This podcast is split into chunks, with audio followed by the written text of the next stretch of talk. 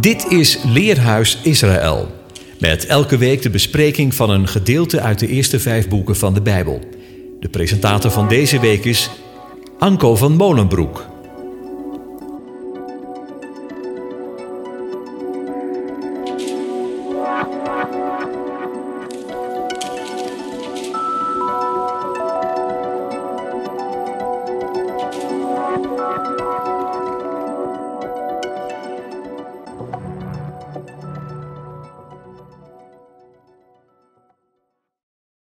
Beste luisteraar, van harte welkom weer in het leerhuis van Radio Israël.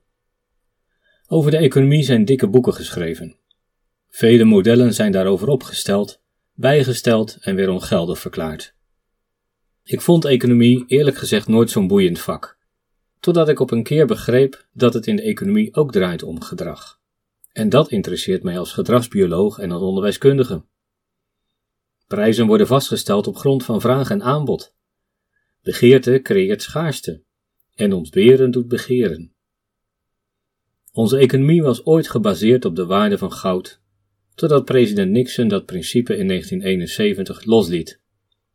Nederland had dat overigens al in 1936 gedaan. En daardoor stijgt de inflatie elk jaar en werden geldbriefjes steeds minder waard. Bankbiljetten en munten in een oude sok bewaren is heel onverstandig, want elk jaar wordt het minder waard. En tot voor kort kreeg je er nog wat rente voor van de bank, maar die tijd is ook over.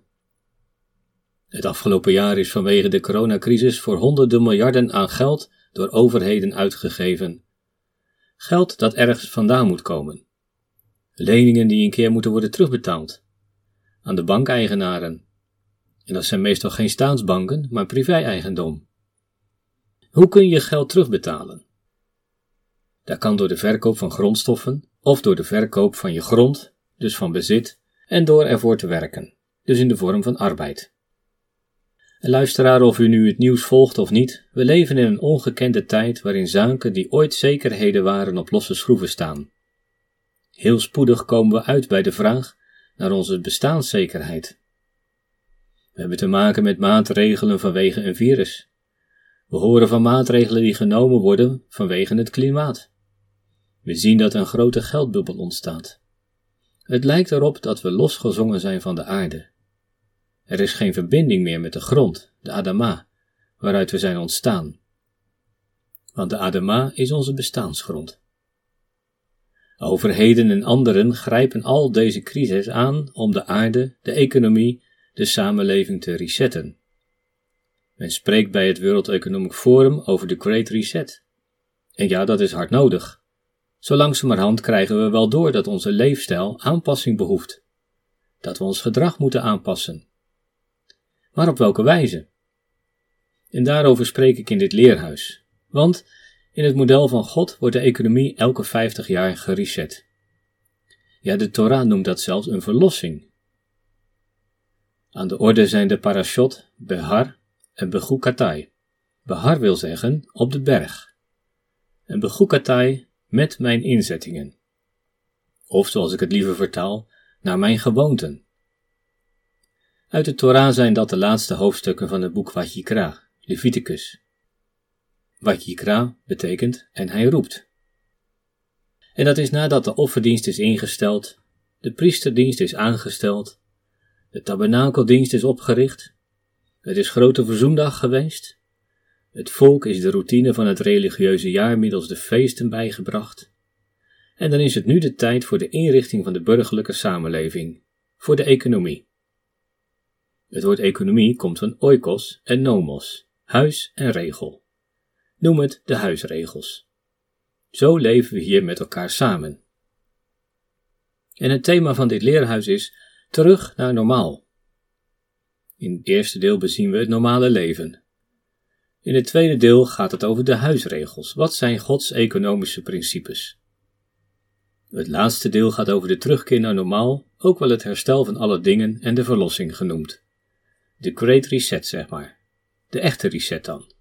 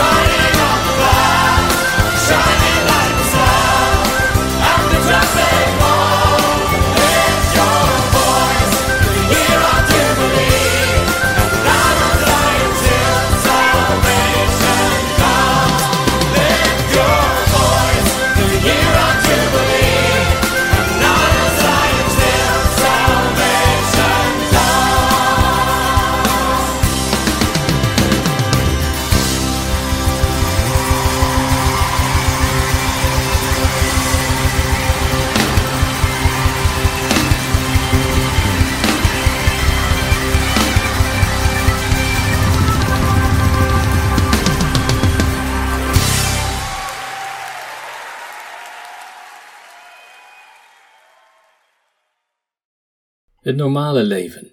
Dan spreekt de ene tot Mozes op de berg Sinaï en zegt: Spreek tot de zonen Israëls en zeg tot hen: Wanneer ge komt in het land dat ik u ga geven, laat het land dan Shabbat houden.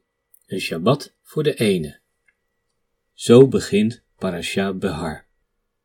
Waarom staat dat er zo op de berg? Rabbi Ibn Ezra zegt dat de Torah niet altijd chronologisch is. Er staat op de berg sinei, om aan te geven dat deze voorschriften direct op de berg zijn gegeven. Exodus 24. Waarom staan deze verordeningen dan hier in Leviticus 25 tot 27? Omdat de verontreiniging van het land direct verbonden is met het gedrag van de inwoners. Nee, niet hoe de inwoners met het land, met de aarde omgaan, maar hoe zij met elkaar omgaan. En hoe zij met de geboden van de eeuwige omgaan. In het vorige hoofdstuk, Leviticus 24, ging het over de godslasteraar en de doodslager. Deze worden aan elkaar gelijkgesteld. Bloed verontreinigt het land. Bloedschande, zoals incest en andere schaamteloosheid, verontreinigen het land eveneens. En daarover gaat het ook in Leviticus 18. Over schaamteloosheid en incest. Of eigenlijk over de gebruiken van de heidevolken, de wetteloosheid. En tegenover die wetteloosheid staat de Torah. U mag uzelf niet verontreinigen met al die dingen, want de heidenvolken die ik voor u uit ga verdrijven, hebben zich met al die dingen verontreinigd. Laat het land u niet uitspuwen, omdat u het verontreinigt, zoals het, het heidenvolk dat er voor u was, uitgespuugd heeft. Waarom is dat land zo belangrijk?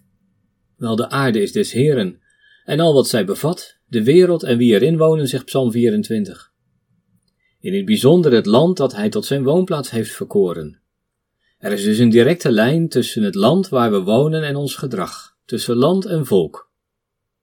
Het land moet de rust van de Shabbat krijgen. Waarom is dat? Sommigen zeggen dat het land rust nodig heeft vanwege de vruchtbaarheid. En ik sluit dat niet uit dat rust ook goed is voor de vruchtbaarheid van het land. Maar er is meer. Want waarom zou het volk worden verbannen uit het land bij ongehoorzaamheid aan het gebod van het Sabbatsjaar? De onvruchtbaarheid zou toch genoeg zijn als een natuurlijke consequentie? Een andere verklaring is dat het een rust is ter ere van de Heer van het land. Als het land rust, dan rust ook het volk. Een derde reden is het volgende. Elk jaar dat het land bewerkt wordt, moet het land zelf ook op de Shabbat werken om ons voedsel te produceren. Daardoor mist het land elk jaar 52 Shabbatten. En in zes jaar mist het land dus 6 keer 52 Shabbatten. Dat zijn 312 dagen. En samen met de 52 Shabbatten van het zevende jaar zijn dat 364 dagen. 13 perioden van 28 dagen, 13 keer een maand volgens de maankalender. Het zevende jaar krijgt het land dus alle Shabbatten achter elkaar. Zo nauwkeurig werkt de eeuwige. In onze tijd zouden we dat spaarverlof noemen. Je krijgt de rust waar je recht op hebt. Vindt u het ook zo lastig om te rusten? Werken zit immers in ons bloed. Het is het verlangen in ons om vooruit te komen, om te ontdekken, te onderzoeken. Daarom nemen sommigen ook een sabbatical, de tijd om tot bezinning te komen, tot je zinnen te komen, om te beseffen wat de zin van het leven, van jouw leven is. De Shabbatrust van het land dwingt de bewoners op zich te bezinnen. Ik ga nog een stap verder, of eigenlijk een stap terug. Terug naar het principe van de, de schepping van de zevende dag, naar het beginsel. Van alle eerdere dagen staat er steeds geschreven: het was avond geweest en het was morgen geweest, de volgende dag. En van de zevende dag staat echter niet geschreven: het was avond geweest en het was morgen geweest. En daarom wordt gezegd dat de zevende dag voortduurt. Wij leven dus in de zevende dag. En we zijn op weg naar de achtste dag de dag waarop alles is hersteld. Het leven in de zevende dag wil ook zeggen, volgens de principes van de zevende dag. Welke zijn dat? Dat is allereerst dat de zegen niet het gevolg is van ons werken, maar van de gevende, van de ontfermende God. Zes dagen zul je werken om loon. Maar de zevende dag is de Shabbat. Dan zul je geen werk doen. Dan krijg je om niet. Daar kon je vast op vertrouwen. Snap je? Je werk doen alsof je er niet voor betaald krijgt. Natuurlijk zegt toch iemand, maar je moet toch ook leven en daar is geld voor nodig. Dat is ook zo. De arbeider is zijn loon waard, zegt de schrift. En wie niet werkt, zal ook niet eten. 2 Thessalonicenzen 3. Alleen, ik heb het hier over de intentie. Met welke intentie doe je je werk? Want we worden gerechtvaardigd door het geloven, niet door de werken. Tegen de gemeente van Korinthe zegt Paulus: Daarom, mijn geliefde broeders, wees standvastig, onwankelbaar en altijd overvloedig in het werk van de Heere. In de wetenschap dat uw inspanning niet vergeven is in de Heere. Being good by doing good. Opdat de mens, die God behoort, volmaakt zou zijn, tot alle goed werk toegerust. En in 1 Korinthe, of u dus eet of drinkt of iets anders doet, doet alles tot eer van God. Na de zesde dag is het voltooid, het is volbracht. Daarna begint de weg. Adam en Eva worden de wereld ingestuurd met een opdracht. En die opdracht wordt bij Noach herhaald. Wees vruchtbaar, talrijk, vervul de aarde. De Hebreeuwse woorden wijzen op een geografische uitbreiding, op een toenemen in aantal en op het vervullen in de tijd. Plaats, hoeveelheid en tijd. En waar gaat het dan om? Wel om het doorgeven van het leven. Dat is het normale leven van de zevende dag.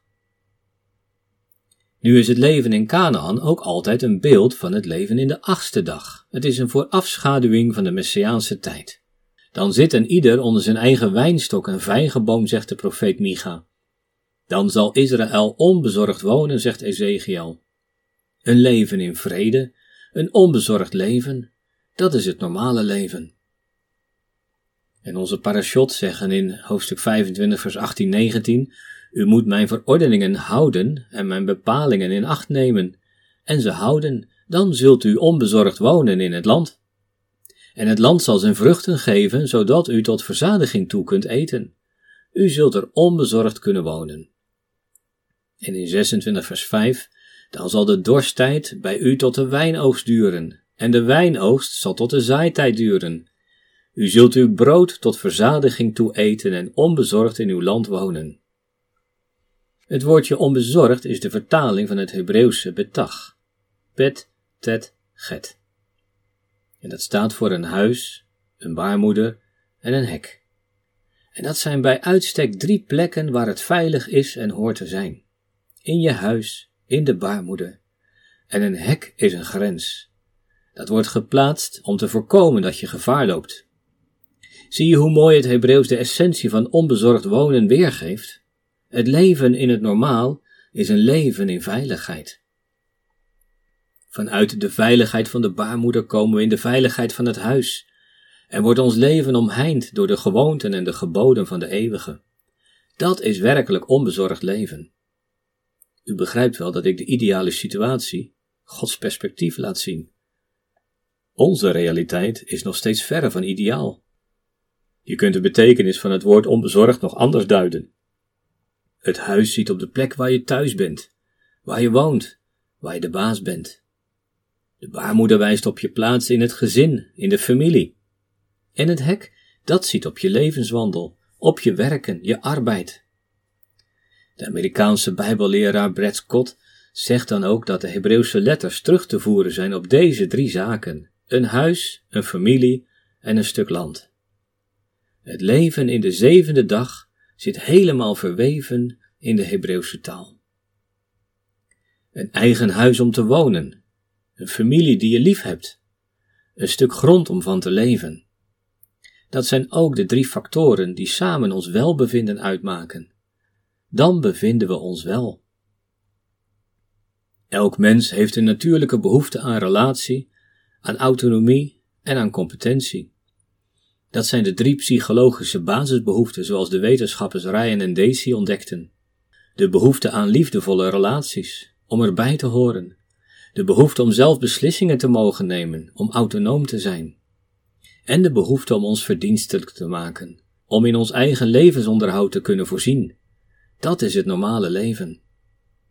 En het zijn ook deze drie behoeften die in deze tijd zwaar onder druk worden gezet. Afstand houden en gezichtsbedekking druisen in tegen ons behoefte aan verbinding. De sluiting van de samenleving in een lockdown draagt niet bij aan ons verlangen om in ons levensonderhoud te kunnen voorzien. En onze vrijheid om te gaan en te staan waar we willen, om zelf de keuzes in en voor ons leven te mogen maken, staat zwaar onder druk. Denk aan de avondklok, toegangstesten en een vaccinpaspoort. Alleen dan krijgen we onze vrijheid weer terug. Nee, Dat is niet het normaal.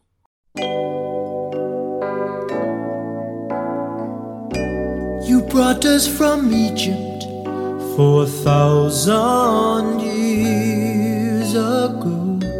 By your mighty power, you gave us a home. For it was the plan that through Abraham's seed, all men from their sin would be freed. Salvation has come, the Lamb of God was slain. Still, Israel waits the Messiah to claim. We pray for that day that you promised of old, when all Israel Messiah will know. You're bringing us back, bringing us back to where you found us. You're bringing us home to our Messiah.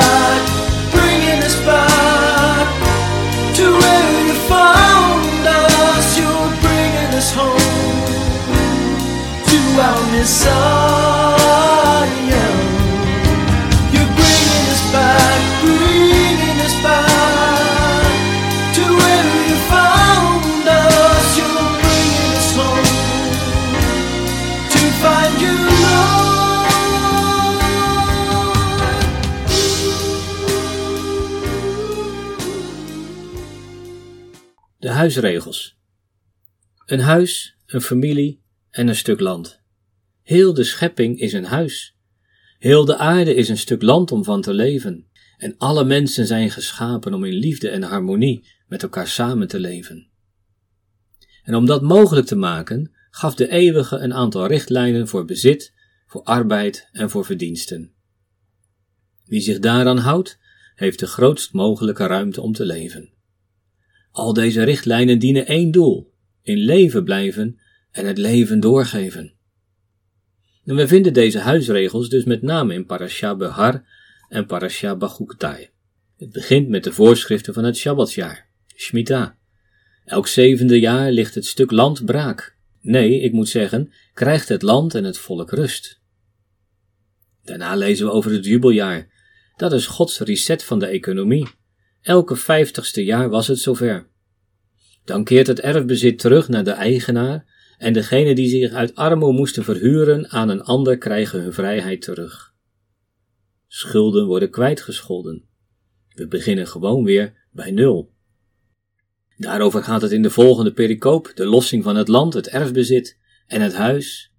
We lezen over voorschriften, hoe men om moet gaan met slavenarbeid en het eigendom dat door een vreemdeling of bijwoner in Canaan wordt aangeschaft. Ook deze dient zich te houden aan de wet en regelgeving van de eeuwige. Parasha Bechukatai vervolgt met de zegen die mag worden verwacht bij het houden van de voorschriften. Maar ook worden de consequenties duidelijk als Israël er niet naar handelt. Gelukkig is er voor hen altijd de mogelijkheid om terug te keren, als men berouw toont en de ongerechtigheid erkent. Ten slotte lezen we over de waarde die alles heeft. Wat kost het om een gelofte af te kopen, een eerstgeborene vrij te kopen, bezit terug te kopen? Wanneer mag het wel en wanneer niet?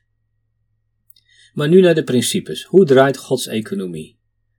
Het eerste punt is het land, de grond. Dat is zowel de plek waar je thuis bent, waar je woont, waar je de baas bent, als ook de grond waaruit je je levensonderhoud haalt. In het jubeljaar ging het land weer terug naar de erfgenamen.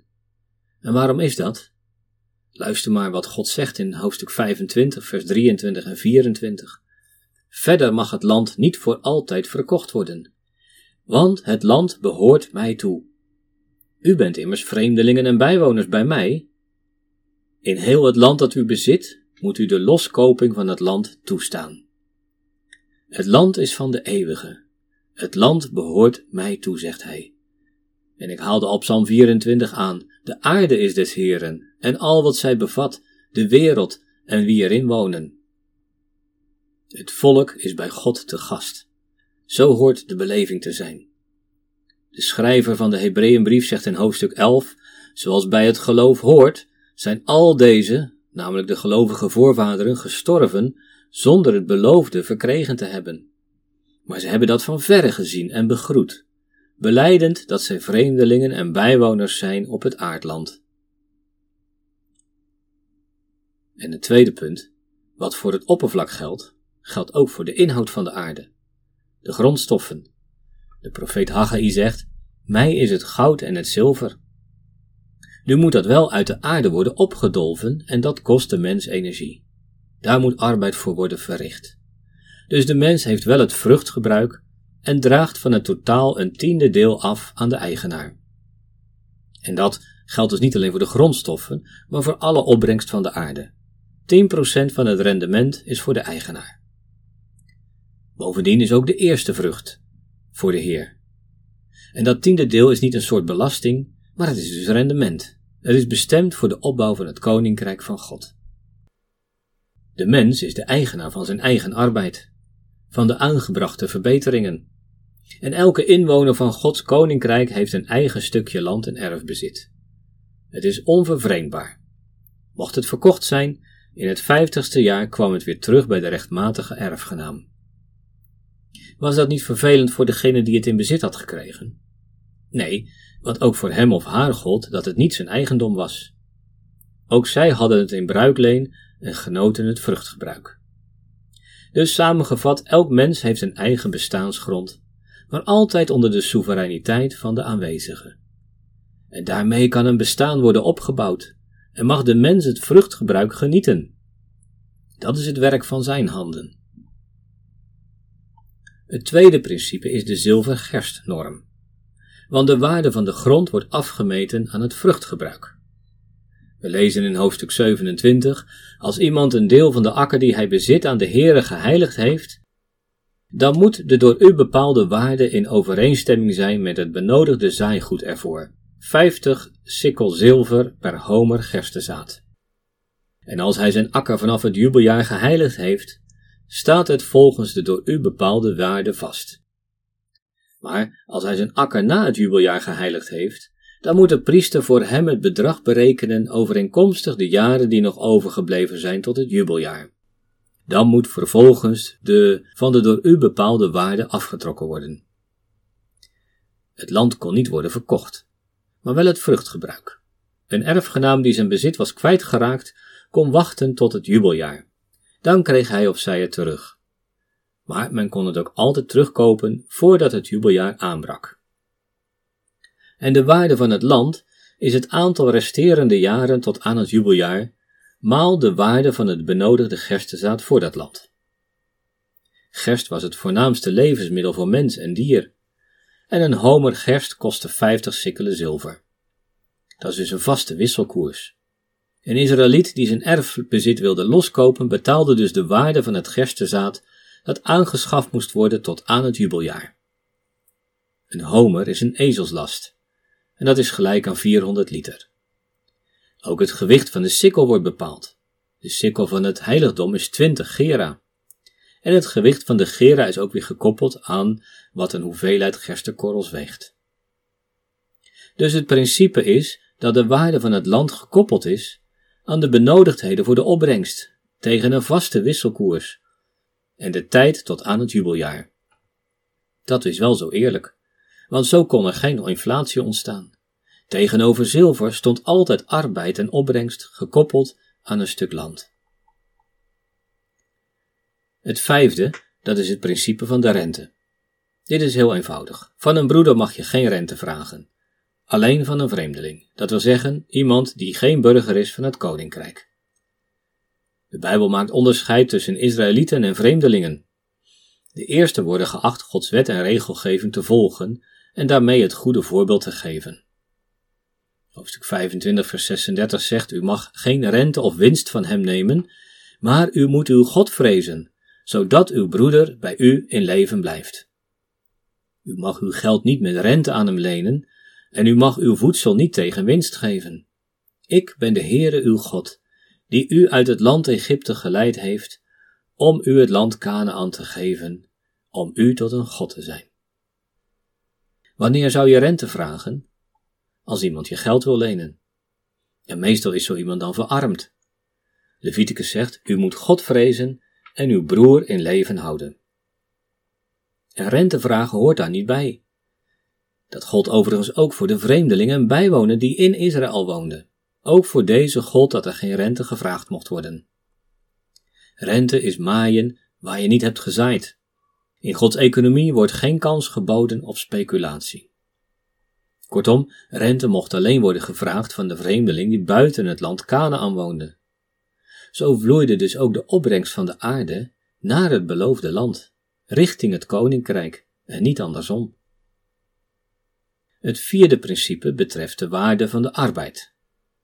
En wanneer uw broeder bij u in armoede geraakt en zich aan u verkocht heeft, dan mag u hem geen slavenarbeid laten verrichten.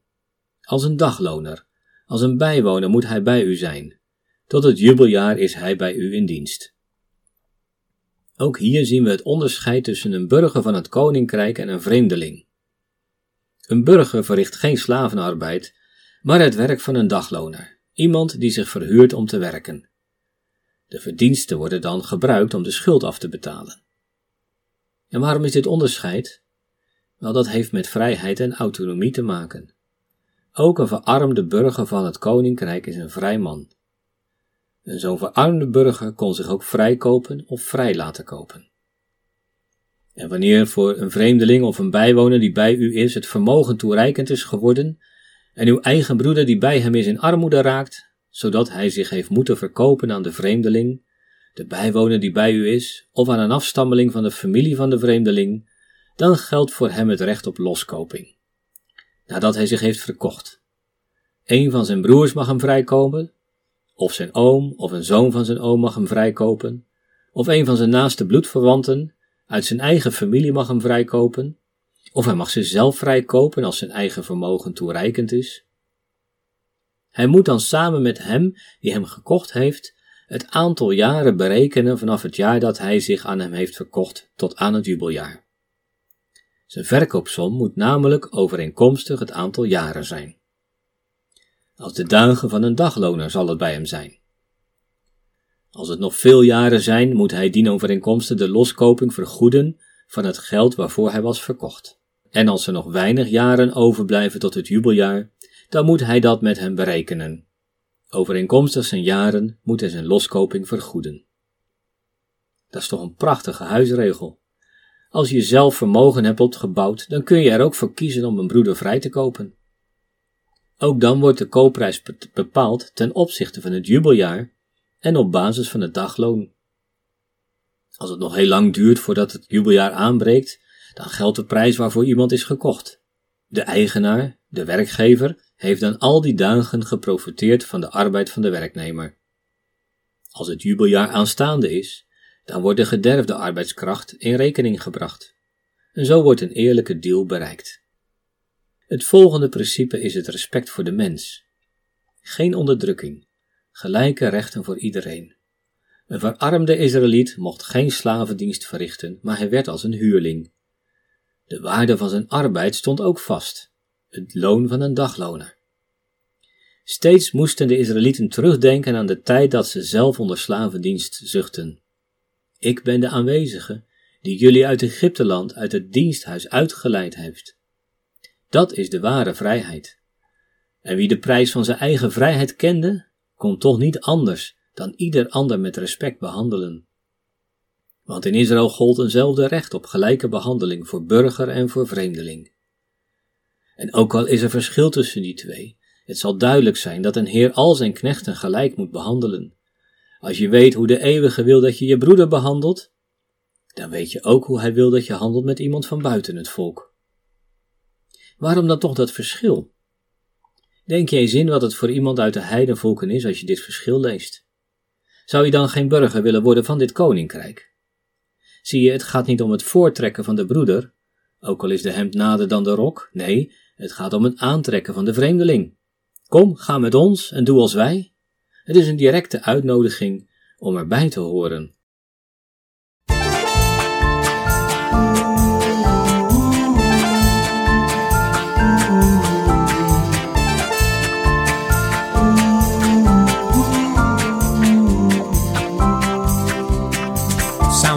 Trumpet everywhere, all throughout the land.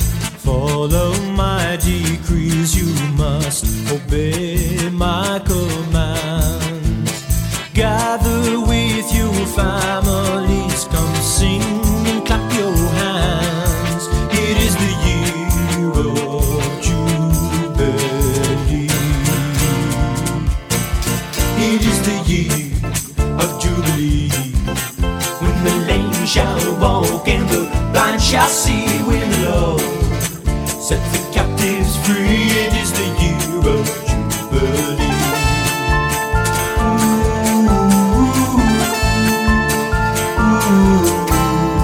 Sound the trumpet, Israel, let all the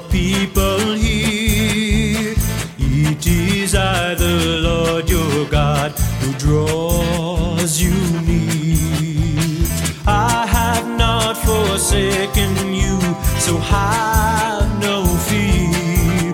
It is the year of Jubilee. It is the year of Jubilee. When the lame shall walk and the blind shall see when the Lord set the captives free. It is the year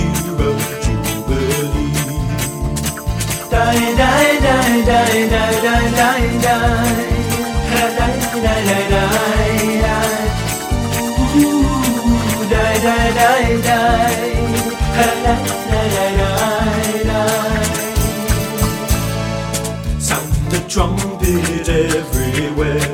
Let his praises ring. Yeshua has redeemed mankind. Salvation he brings. Precious sacrifice are we here standing free. It is the year of Jubilee. It is the year of Jubilee. When the lame shall walk and the blind shall see when the Lord set the captives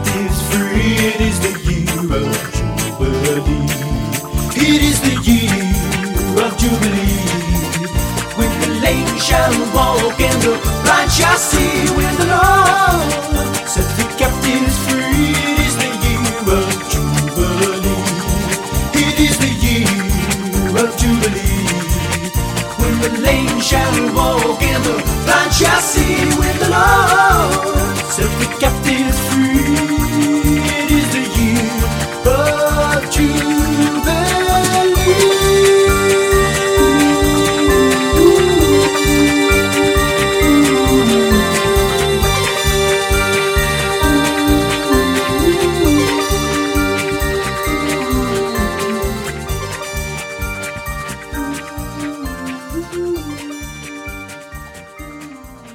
Great Reset. We hebben gezien dat het normale leven zoals God het voor ogen heeft bestaat uit het waarderen van elkaar, uit de waardering van de persoonlijke vrijheid om te kiezen en het waarderen van de verdiensten. En dat alles in recht en gerechtigheid. Dat is welbevinden.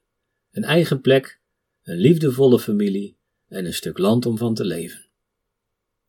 Maar is dat leven hier in de zevende dag niet een utopie? Is dat juist zoals het in Canaan in de achtste dag zal zijn? Jazeker, dat ook. In de zevende dag is er nog onvrijheid, nog ballingschap, nog het gaan naar Canaan. In die zevende dag is er nog een ander economisch stelsel, nog een andere kijk op arbeid. Boven de concentratiekampen stond geschreven: arbeid macht vrij. Dat was toen een leugen. En dat is nog steeds zo. Toen leidde het tot onvrijheid, tot de dood. En dat is nog steeds zo. Nu zeggen we wel, voor wat hoort wat. Je moet ervoor werken. Boontje en loontje. Loon naar werken. Maar dan wordt werken een doel op zich. In Gods ogen is werken het middel. Waarvoor? Voor levensonderhoud, voor het ontwikkelen van de aarde, namelijk wees vruchtbaar. Dus de vraag is: leef je om te werken of werken we om te leven? Te leven voor de ene. Want we kunnen ook werken om ons in wilde te wentelen, of om leuke dingen te doen. Dan vinden we dat we daar recht op hebben. We hebben er toch voor gewerkt? De vraag is: wat is het doel in je leven? Rijk worden? Een goed leven hebben? Of een bijdrage leveren aan Gods doel van de schepping?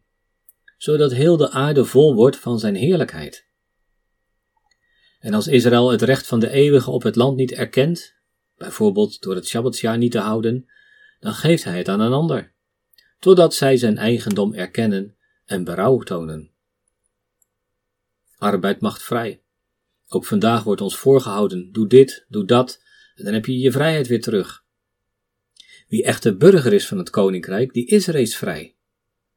We kunnen wel verarmd zijn, vervreemd van het burgerrecht en van de verbonden van de belofte. Dat is wat Paulus zegt tegen de Efeziërs. Bedenk daarom dat u die voorheen heidenen was in het vlees en die onbesnedenen genoemd werd door hen die genoemd worden uit de besnijdenis in het vlees, die met de hand gebeurt, dat u in die tijd zonder Christus was, vervreemd van het burgerschap van Israël en vreemdelingen wat betreft de verbonden van de belofte. U had geen hoop en was zonder God in de wereld. Maar nu, in Christus Jezus, bent u, die voorheen ver af was, door het bloed van Christus dichtbij gekomen.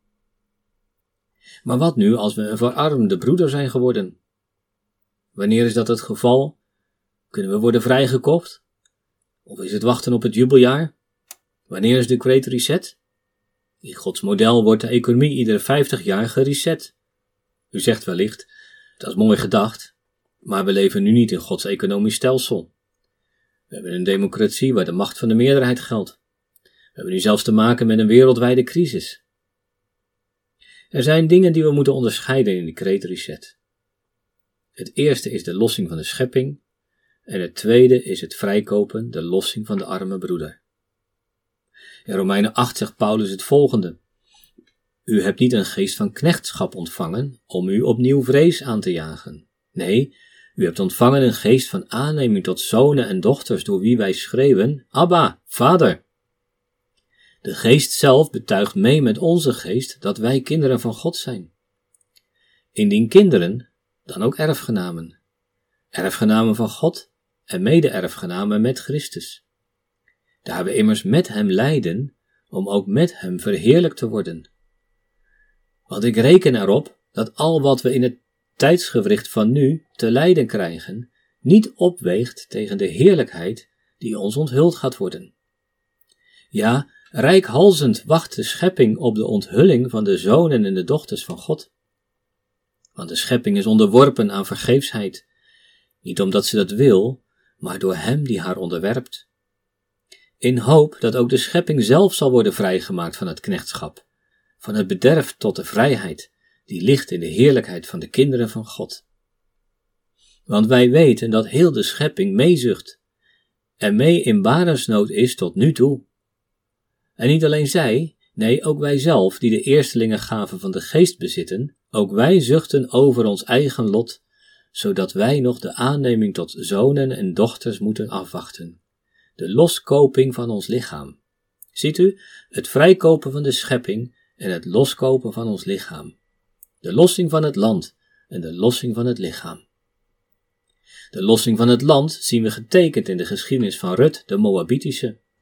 De familie van Elimelech, mijn God is koning, was verarmd geraakt. Hun land en hun kans op levensonderhoud was verkocht.